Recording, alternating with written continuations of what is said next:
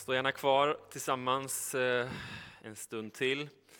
Eh, jag eh, vill bara börja med att understryka det som, som Annette sa, att vi kliver in i en termin där givande blir viktigt. Det känns som att vi behöver kliva på och satsa framåt. Vi behöver satsa på ungdom, vi behöver satsa på barn, vi behöver satsa på alfa. Vi behöver satsa på att bygga en liksom bro mellan skopan och församlingen där vi kan tänka oss att vi får en frukt på alla de här områdena. Och för det så behöver vi trycka på. Eh, så känner du att församlingen liksom ligger på ditt hjärta, så var med och investera in i det här. Jag tror att det är superviktigt. Bär med dig dina böner. På vilket sätt ska du finnas med i det här framåt? Den här terminen, så är, eller hela året, så är jag väldigt förutsäg, det är väldigt förutsägbart att komma hit när man lyssnar på mig eftersom vi tar oss igenom Uppenbarelseboken. Och nu har vi kommit till kapitel 10. Vi läser ifrån vers 1.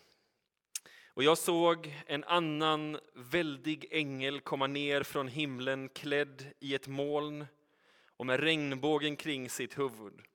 Och hans ansikte var som solen och hans ben som pelare av eld. Och i sin hand höll han en liten bokrulle som var öppnad. Han satte högra foten på havet och den vänstra på jorden och ropade med hög röst som ett lejon ryter. Och när han hade ropat talade de sju åskornas röster och när de sju åskorna hade talat tänkte jag skriva. Men jag hörde en röst från himlen säga, försegla det vad de sju åskorna har talat och skriv inte upp det. Och ängeln som jag hade sett stå på havet och på jorden lyfte sin hand mot himlen och svor vid honom som lever i evigheters evighet och som har skapat himlen och vad som finns i den och jorden och vad som finns på den och havet och vad som finns i det.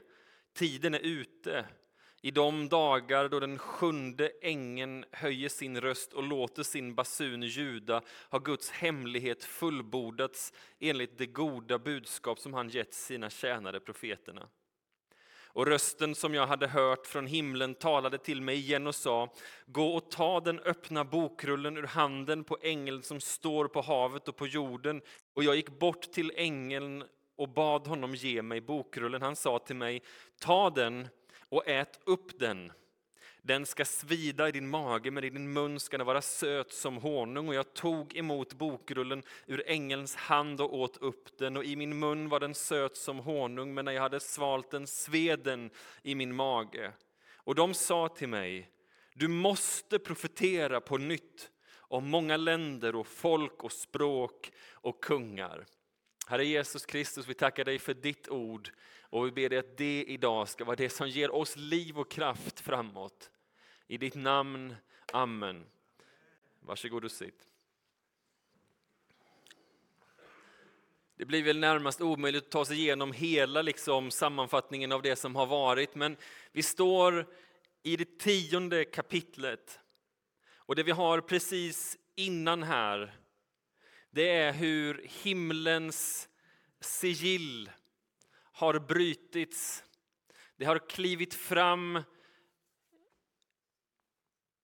en, ett kapitel i kapitel 7, kapitel 6, där en stor bokrulle med sju sigill har varit eh, inför Guds tron och det fanns ingen som kunde öppna den här bokrullen. Så det blev tyst. Till slut så kliver det slaktade lammet, Jesus Kristus, fram och öppnar den här bokrullen. Han är den enda som hade möjligheten, den enda som hade kraften. Han kliver fram och öppnar bokrullen. Sen bryts sigillen ett efter ett och det kommer budskap ut över jorden utifrån de här sigillen. Innan det sjunde sigillet bryts så blir det tystnad. Och den här tystnaden talade vi om i kapitel 8. Och I kapitel 7 så talas det om gräshoppor. Och de här gräshopporna är en bild som är hämtad ifrån profeten Joel. Och det är kapitel 9 som vi talade om för några veckor sedan. Och det är en kallelse till omvändelse. En kallelse till omvändelse och en uppmaning att tillbe Herren och inte oss själva. Inte det fysiska, inte det materiella, inte det som finns här, utan att rikta vår blick uppåt. Det är en dom över hårda hjärtan och en önskan ifrån himlen att komma till Herren för att våra hjärtan ska formas av honom. Nu har vi kommit till kapitel 10 och idag ska jag tala utifrån den här texten och ta tre punkter på det. Kan till och med bli fyra. Att lära sig lita på Herren. Att lära sig se honom. Att bli ett med det här budskapet och sen att göra det här för världens skull. Att lära sig lita på Gud, att lära sig se och igenkänna Gud, att bli ett med det här budskapet och att göra detta för andras skull, för världens skull. För det första så ser vi nu en ängel kliva fram. En ängel kliver fram och det står att han har regnbågen runt sig och han står som i ett moln. När vi talar om regnbågen så är det det första förbundet, det är förbundet med Noa som åsyftas. När det är molnet så är det det andra förbundet, det är förbundet på Sinai där Gud visar sig själv som ett moln. Han visar sig först som en regnbåge och sen som ett moln. Det här visar att det är något gudomligt vi har att göra med. Han ställer ena foten på land och andra foten på havet och det visar att det här är någon som har full kontroll, total kontroll över både havet och över landet. Olika kommentarer talar olika om detta och säger antingen så är det en bild av Gud i allmänhet, men det troliga, säger vissa, är att det här är Jesus Kristus själv. Och när vi läser om den här bilden så ser vi att den här bilden stämmer ganska väl överens med den Kristusbild vi ser i kapitel 1. Oavsett om det är Kristus själv eller om det är någon som är ett sändebud ifrån Gud i allmänhet, så är det tydligt att detta är ett budskap från, från Gud själv till Johannes. Här så säger han att vissa saker ska öppnas och andra saker ska inte skrivas ner.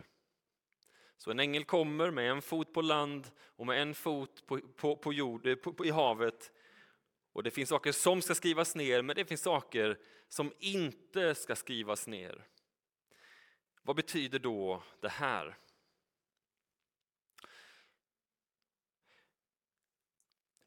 Jag eh, tänker att det här handlar ganska mycket om att överlåta sin kontroll till Gud. Och det här är någonting som jag har stora problem med. Jag eh, har mycket saker som jag kan säga, det här är jag ganska bra på. Som jag kan, som jag tycker mig kunna. Jag har jobbat som pastor här i snart 15 år. känns som man har lärt sig yrket ganska bra. Det finns andra saker, så jag tänker de här sakerna, ja men det kan jag ganska bra. Jag vet hur processen går till och jag vet hur jag ska göra. Jag har börjat baka surdegsbröd och jag tar liksom fram och gör processen så här. Ett, två, tre, fyra och så händer samma bröd varje gång. Och jag är så tacksam för att det är förutsägningsbart, att det liksom går att se och följa processen. Tacksam för att ett leder till två som leder till tre och jag kan hantera det där. Men det finns andra saker där jag känner att jag ibland har lite problem. Och när jag känner att jag inte kan liksom överblicka någonting, då blir jag väldigt orolig. Jag blir orolig, jag blir nervös för jag känner att jag inte kan hantera situationen. Jag antar att det är fler än jag som har varit orolig för räntan. Men det är ju en sån där sak som min fru vet att jag har problem med. Hon säger att hon kan sova gott om nätterna även om räntan går upp och ner. Men jag har svårt med det. När den går upp eller ner så ligger jag där och liksom tänker och processar och jag inser mitt problem handlar inte så mycket om att det blir mer att betala, även fast det är jobbigt, utan att det är en process som jag inte har kontroll över. Känner ni igen det? Att det liksom finns något som råder över mig som inte jag kan påverka. Det är klart jag kan ringa banken och säga ge mig inte så hög ränta, men jag vet ju att det inte spelar någon roll. Det är liksom faktorer runt omkring som jag inte kan påverka. Och bara det där att jag känner att jag inte kan påverka, det gör mig maktlös. De där bitarna, när jag känner att jag inte ror på det, det är något av det jobbigaste som finns tycker jag. Här i kyrkan så finns det ganska mycket som jag känner att jag kan göra. Jag kan liksom rycka in och hjälpa till på de flesta områden känner jag. Behövs det någon i köket? Jag kan hjälpa till i köket. Behövs det någon som liksom predikar eller leder gudstjänst eller vad det nu än är? Jag hjälper till. Jag kommer ihåg när Adam Gau behövde hjälp på skopan när, han, liksom, när det var pandemi och problem. Självklart, jag kliver med och så hjälper jag till på skopan. Nästan allting kan jag göra. Förra veckan så var det, behövdes det en ledare på kompisklubben och jag brukar inte vara där men jag ryckte in och tog den äldre gruppen, satt där och kände det här är inte det jag är bäst på, men jag gör det här. Men det finns vissa grejer som jag känner här, här nu, nu skapas det ångest. Så här. Skulle någon be mig sätta mig bakom pianot där, då skulle den bli uppenbar. Därför jag vet inte hur jag ska hantera det. Jag kan ett, på sin, liksom, på sin höjd två ackord. Jag skulle behöva en ordentlig skola i liksom Olofs fotspår här för att känna att jag kan hantera det. Därför så är jag otroligt tacksam för dem som tar det ansvaret. Jag är otroligt tacksam för de som kliver in och gör det jobbet. Därför jag kan inte hantera det själv. Sådär. Så vad gör man? När man liksom känner att det bara faller runt omkring. Då brukar min fru komma in ibland när jag, när jag är i mitt liksom känslosvall, vare sig det gäller räntan eller musiken eller vad det nu skulle kunna vara, så säger hon Du är pastor och du borde läsa vad som står. Det står känn ingen oro. Har du läst det? Det här har de sagt till mig flera gånger. Immanuel, om du är pastor ska du leva som du lär. Känn ingen oro. Ibland så är det ganska svårt ändå. Och så tänker jag på Petrus när han står där i båten. Han står där i båten och så ska han gå ut ur båten och Jesus säger Kom ut till mig. Och jag tänker det är, ju jättedumt. Det är jättedumt, för han kan inte simma, för man kunde inte simma då de flesta. Så han går ut och han ser vågorna, det är vågor överallt. Och, och Jesus säger ändå, kom ut och gå på vattnet. Och så är det så här, hur tänker Petrus då? Tänker han, se på Jesus, det finns inga vågor, se på Jesus, det fin finns inget hav, tänk att det är mark, gå ut och gissa liksom, och hoppas att det, liksom, att det är is. Eller, hur tänker man? Det handlade inte om att trots att det är vågor runt omkring så fäster man blicken på Jesus. Att det inte handlar så mycket om att det inte är vågor, för vågorna är stora och de är där. Men att din uppgift är att fästa blicken på Jesus. Och så tänker jag på ett bibelord, kanske, kanske ett märkligt bibelord. Följ med mig till Efesierbrevet kapitel 5 och 15. Då står, se alltså noga upp med hur ni lever. Inte som ovisa människor utan som visa. Ta väl vara på den tid som är kvar, till dagarna är onda. Var därför aldrig oförståndiga, utan sök förstå vad som är Herrens vilja. Sök förstå vad som är Herrens vilja. Och så kommer det, hur förstår vi vad som är Herrens vilja? Jo, berusa er inte med vin, där börjar lastbarheten, utan låt er istället uppfyllas med den helige Ande. Och så tänker jag, vad är poängen här? Vi ska hitta Guds vilja. Hur hittar vi Guds vilja? Inte genom alkohol, utan genom den helige Ande. Det är precis som att det finns någonting som ändå är paralleller mellan alkohol och den helige Ande. Och vad är parallellerna där? Jo, att i båda lägena så blir du lugn inför situationen du möter. Om du dricker dig berusad och så står du inför en svår situation så känner du, jag klarar det här. På samma sätt, när du blir uppfylld av den heliga ande så står du inför situationen och så känner du, jag klarar det här. Men det finns en stor skillnad däremellan. Den första delen dövar dina sinnen så att du inte ser vågorna. Den andra delen, när du blir fylld av den heliga Ande, fyller dig så att du fäster din blick på Jesus.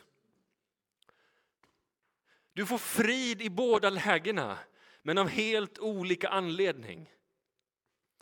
Om du dricker dig berusad ute på havet och tror att du ska gå ut och ställa dig på vågorna så är ju risken att du mitt i din berusning inser att du är mitt i havet och du sjunker. Oavsett om du liksom inte är berusad eller inte där och att det här liksom ruset skulle försvinna så finns du i en hjälplös situation och ingen kan hjälpa dig upp därifrån. Det du önskar mer än någonting annat då det är väl att dricka dig berusad igen så du inte inser hur hopplöst det är. Men det den helige ande gör är att du fäster din blick på honom så att trots att det är vågor runt omkring så kan du gå rakt igenom. Fäst din blick på Jesus. Och Jag tänker att det är vad den här första delen handlar om i Uppenbarelseboken. Den säger, jag som talar till dig, Jesus Kristus, jag har en fot på land och jag har en fot i havet. Jag har all kontroll. Det finns ingen som har mer kontroll och makt än vad jag har. Han säger lita på mig och inte på någonting annat. Och sen kommer den andra delen och det är basuner som ljuder, änglar som talar. Och det låter som Oskar och Johannes fattar, det här är viktiga delar som bör skrivas ner. Men de säger, skriv inte ner de här delarna. Han skriver ner att han inte fick skriva ner det och att det finns saker som vi inte vet. Varför? Därför att vi ska veta att vi inte kommer veta allting och att det är okej. Okay. Du kommer aldrig veta allting om sista tiden. Du kommer aldrig veta allting om alla omständigheter du möter. Du kommer aldrig veta allting runt omkring. Och han säger här, Johannes, att det är okej. Okay. Du behöver fokusera på att den som du har fått det här av, som säger att det är okej, okay, är den som har en fot på land och en fot i havet och som har all makt. Och om han säger att det är okej, okay, så kanske det är okej okay ändå. Vår uppgift är inte att fokusera på allt som vi inte vet. Vår uppgift är inte att fokusera på alla problem runt omkring, inte att förneka dem, de finns där. Utan att säga, vi litar på honom som har kontroll över både land och hav, över både himmel och jord, över både början och slut. Låt oss kasta oss ut på honom och så får det bära eller brista. Låt oss lita på honom. Sen står det så här. I de dagarna då den sjunde ängeln höjer sin röst och låter sin basun ljuda har Guds hemlighet fullbordats enligt den goda budskap som han har gett sina tjänare, profeterna. Ordet hemlighet här är på grekiska mysterion. Och mysterion är ju det som vi idag har ordet mysterium ifrån. Ordet som översätts hemlighet här. Och när vi tänker på ordet mysterium så tänker vi att det är något som är dolt, något som vi inte förstår. Men det är inte så som ordet ska förstås i sin egentliga bemärkelse, utan tidigare så är det en hemlighet som uppenbaras. Alltså det är något som har varit dolt men som nu blir synligt. Det är det som ordet mysterion betyder. Alltså någonting som vi idag kan veta för att någon har uppenbarat det för oss. Här är någonting som har blivit uppenbarat. Och det låter mig tänka tanken, hur uppenbarar sig Gud? Hur kan vi veta någonting om Gud? Och här känner jag att i det här så kan jag nästan bli upprörd. Därför jag känner mitt tonårs-jag som talar till mig. Mitt tonårs-jag där jag kämpade med Gud och jag bad Gud visa dig för mig. På ett sådär tydligt sätt så att det, går, så att det liksom inte går att ifrågasätta. Gud skicka någon ängel så att jag kan få se det. Öppna mina ögon så att jag kan få se in i himlen. Låt mig få se någon bli helad. Låt mig få se någonting som inte går att ifrågasätta. Mitt tonårs jag kände att hela livet hänger ju på att jag får någonting konkret, någonting fast att hålla vid. Att bygga min tro på någonting som ingen kan ifrågasätta. När någon från min klass kommer och säger, kan du veta att Gud verkligen är den som det står i Bibeln. Jo, det, för det var en ängel här som talade om det för mig. Det var så skönt att säga det kände jag. Vissa perioder så var det här superjobbigt. Jobbigt för att jag ville veta att min tro verkligen stämde. Jobbigt för att jag kände att jag inte visste saker som jag skulle vilja veta mer om.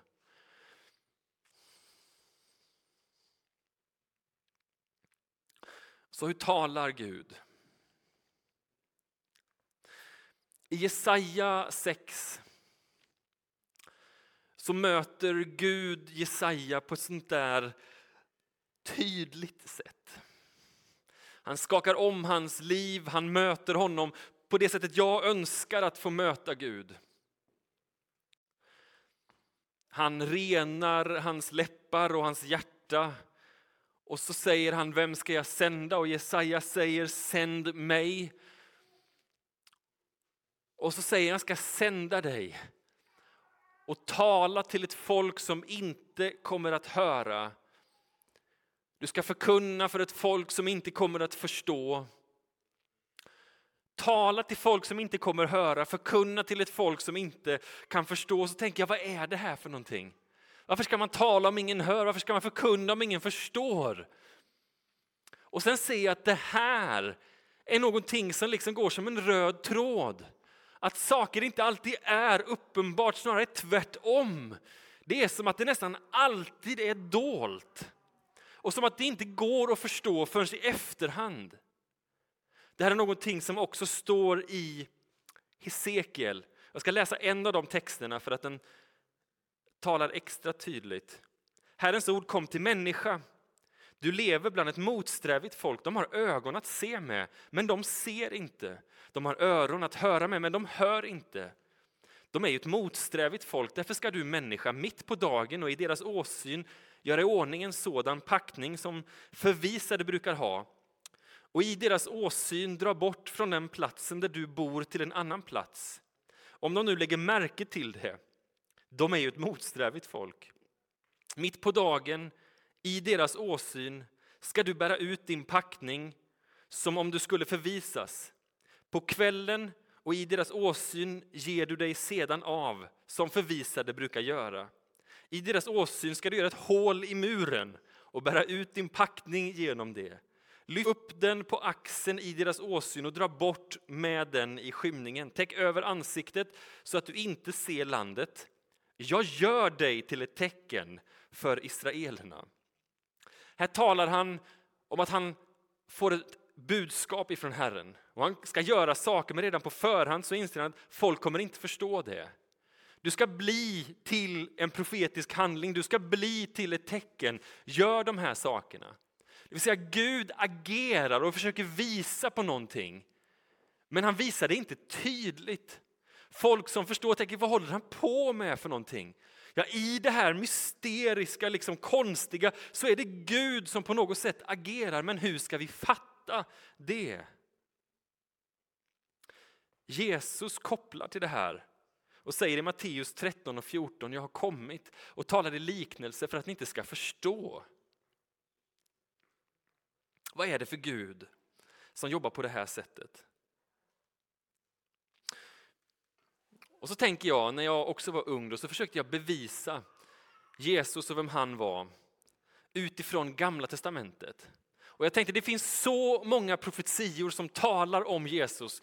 Det är ju konstigt att ingen fattade. Det är ju konstigt att inte folk när Jesus kom sa, här är han, han som det har skrivits om. Men nu i efterhand tänker jag det är inte alls konstigt. När vi läser Gamla Testamentet nu så kan jag tänka så här, det är märkligt att någon fattar det här. Till och med när vi läser den, den kända texten i Jesaja 53 som talar om Herrens lidande tjänare så tänker jag, det måste ta ett tag att förstå de här texterna. Ta ett tag att förstå att det här faktiskt handlar om Jesus. Det är som att det finns bilder som jobbar, tecken som liksom vävs in. Att det hela tiden handlar om att det visas tydligt på ett plan men att det är dolt på ett annat plan. Att det finns de som kan se det men att många inte kan det. Och att det här handlar om att träna sitt hjärta. Om att träna sitt hjärta och stämma det gentemot honom så att vi kan se de trådar som vävts in i våra liv och i historien som är från Gud. Vänd på steken, tänk om det hade varit på ett annat sätt. Tänk om det hade stått en tydlig profetia om Jesus och när han dog till exempel. Ja, det kommer en tid då en kille som heter Pontius Pilatus kommer att döma en person som heter Jesus. Och Han kommer från Nasaret och han ska bli dömd till korsfästning. Och det ska ske den här datumet där och där. Skulle då Pontius Pilatus när han läst det här haft någon möjlighet att göra någonting annat? Skulle då Pontius Pilatus haft möjlighet när han läste det här att se, det är jag som ska utföra det här. Och om jag inte gör det så går jag emot Guds ord, men om jag gör det så utmålas jag till en av de största skurkarna i världshistorien. Ni ser själva att profetior som skrivs allt för detaljerat är inte speciellt bra profetior heller eftersom att det plockar bort vår valmöjlighet. Därför handlar det här snarare om att det finns tecken som är invävda i historien och i våra liv som visar på någonting, men om vi bara stämmer våra öron och ögon emot det. Kanske den tydligaste delen för mig när det talar om att lära sig höra Guds röst finner vi ändå när Elia finns i den där grottan. När Elia finns i den där grottan och han har lärt känna Guds röst och det är som att Gud försöker pröva honom i det här. Det gick förbi en eld, men han visste att Gud var inte i elden. Hela marken skakade och det kom en jordbävning, men Gud var inte i jordbävningen. Det kom ett dån, men Gud var inte i detta. Sen kom en stilla susning, en stilla viskning och han kände igen Guds röst och då så gick han ut och sa Gud, jag har verkligen arbetat och nitälskat för dig. Varför är jag i det här läget? Han hade lärt känna Guds röst, viskningen i hans liv lärt känna de trådarna som vävdes genom historien och i Guds ord så att han visste när Gud talade och vad han sa. Detta tror jag är vår utmaning. Inte att be att allting ska bli supertydligt men att stämma våra hjärtan mot honom så att det som är ett mysterium för oss blir tydligt. För att vi vet vem Gud är, för att vi sökt hans hjärta och i det så har vi fått en djupare insikt både i Guds ord och i vår omgivning.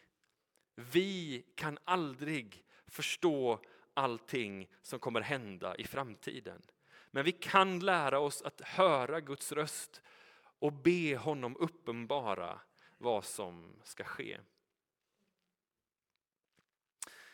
Vi går till den sista delen som handlar om den lilla bokrullen. Här har vi två stycken bilder som korsas. För det första så är det den bild som är från Uppenbarelseboken kapitel 5 och 6 om den stora bokrullen. Där finns det en stor bokrull den här bokrullen talar om hoppet för framtiden, talar om vad som ska ske. Och när Johannes mötte den här stora bokrullen och tanken av att den inte skulle öppnas så bröt han ihop. Han började gråta och föll ner på sina liksom på, på, på, på golvet eftersom att han kände om inte det här öppnas så är allting hopplöst.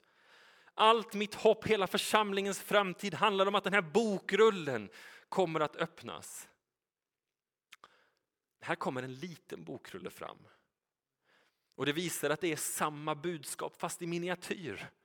Det är samma budskap, det är framtidens budskap, ett budskap om hopp men också ett budskap om dom.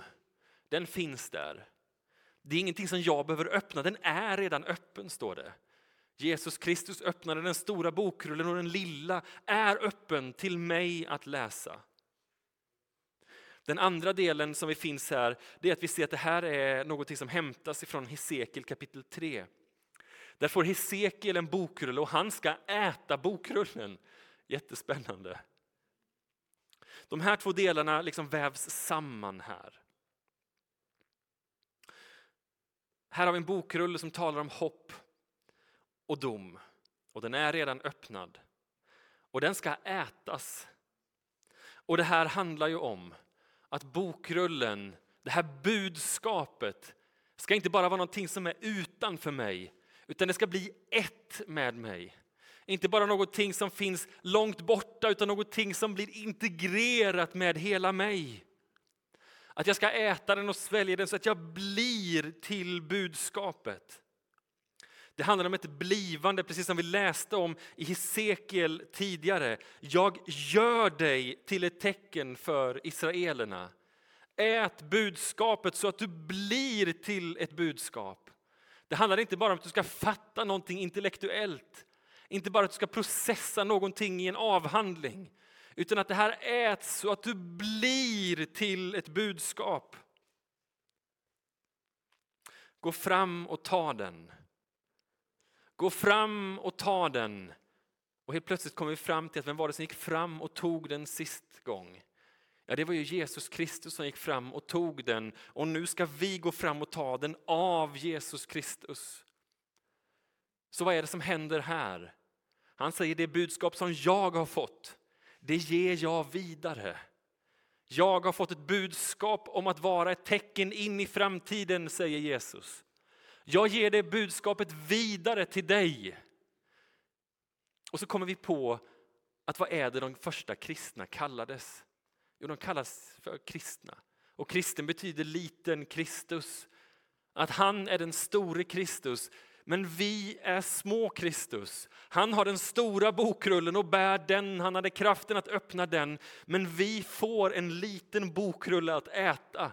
Vi får kallelsen att bli små Kristus brev, säger Paulus. Att vi får gå ut och bära detta budskap vidare. Budskapet om hopp till världen. Budskap om hopp till världen, om räddning och frälsning, om försoning. Det är ett budskap som vi får bära vidare och det smakar som honung i munnen. Det smakar sött, står det. Men när det kommer in i magen så blir det bittert. Och vad står det här för? Och det här står för att det finns också en dom i detta. Att det finns ett slut där alla ska dömas och den domen den kommer vara både åt höger och åt vänster.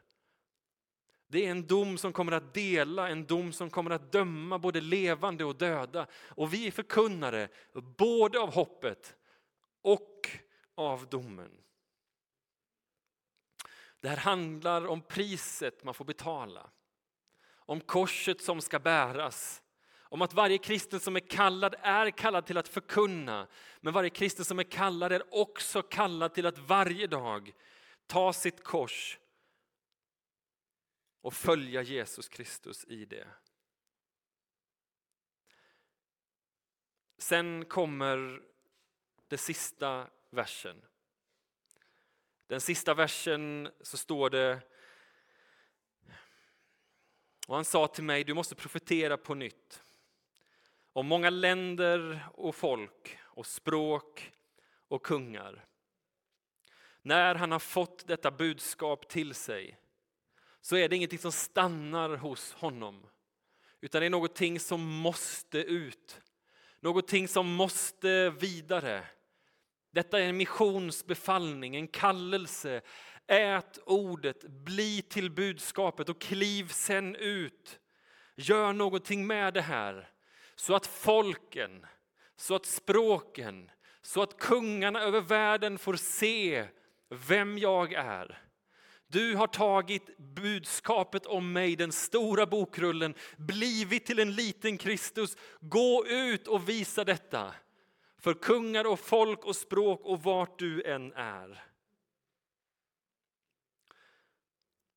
Det jag tänker att den här texten vill tala till oss om idag är att vara troende, det är att vara en profet. Att vara troende handlar inte bara om att vara en kristen i allmänhet och tro på budskapet. Utan att bli till ett budskap. Att lita på Gud även om vi inte fattar allting. Att lära sig lyssna till hans röst även om den är svår att höra många gånger. Att äta, att bli, att se till att det här budskapet blir ett med min kropp så att jag blir till en förkunnelse även om jag inte talar. Och att inse att det stannar inte här, utan det handlar om hela världen. Det är en utmaning som kan göra vilken mage som helst lite orolig. Men låt oss be att vi inte gör det i egen kraft, utan att Herren står med oss i detta. Maranata, Herre kom. Herre kom och gör det som du vill. Herre kom och gör det som du vill i våra liv. Herre vi ber dig, låt oss lita på dig. Även om vi inte vet allting, även om vi aldrig kommer veta allting, hjälp mig mer än någon kanske. Att släppa kontroll och lita på dig, våga gå på vatten, fyll oss med din helige Andes kraft, ge oss det som vi behöver. Låt oss få lära oss att höra din röst. Den stilla viskningen, att tyda både historien och profeterna och nutiden, se dina trådar som är invävda i historien.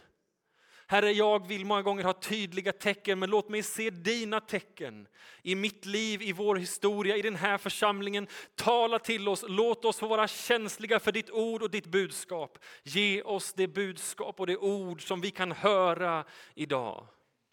Herre, du kallar oss till att inte bara lyssna till ordet, utan att äta ditt ord, att bli ditt ord.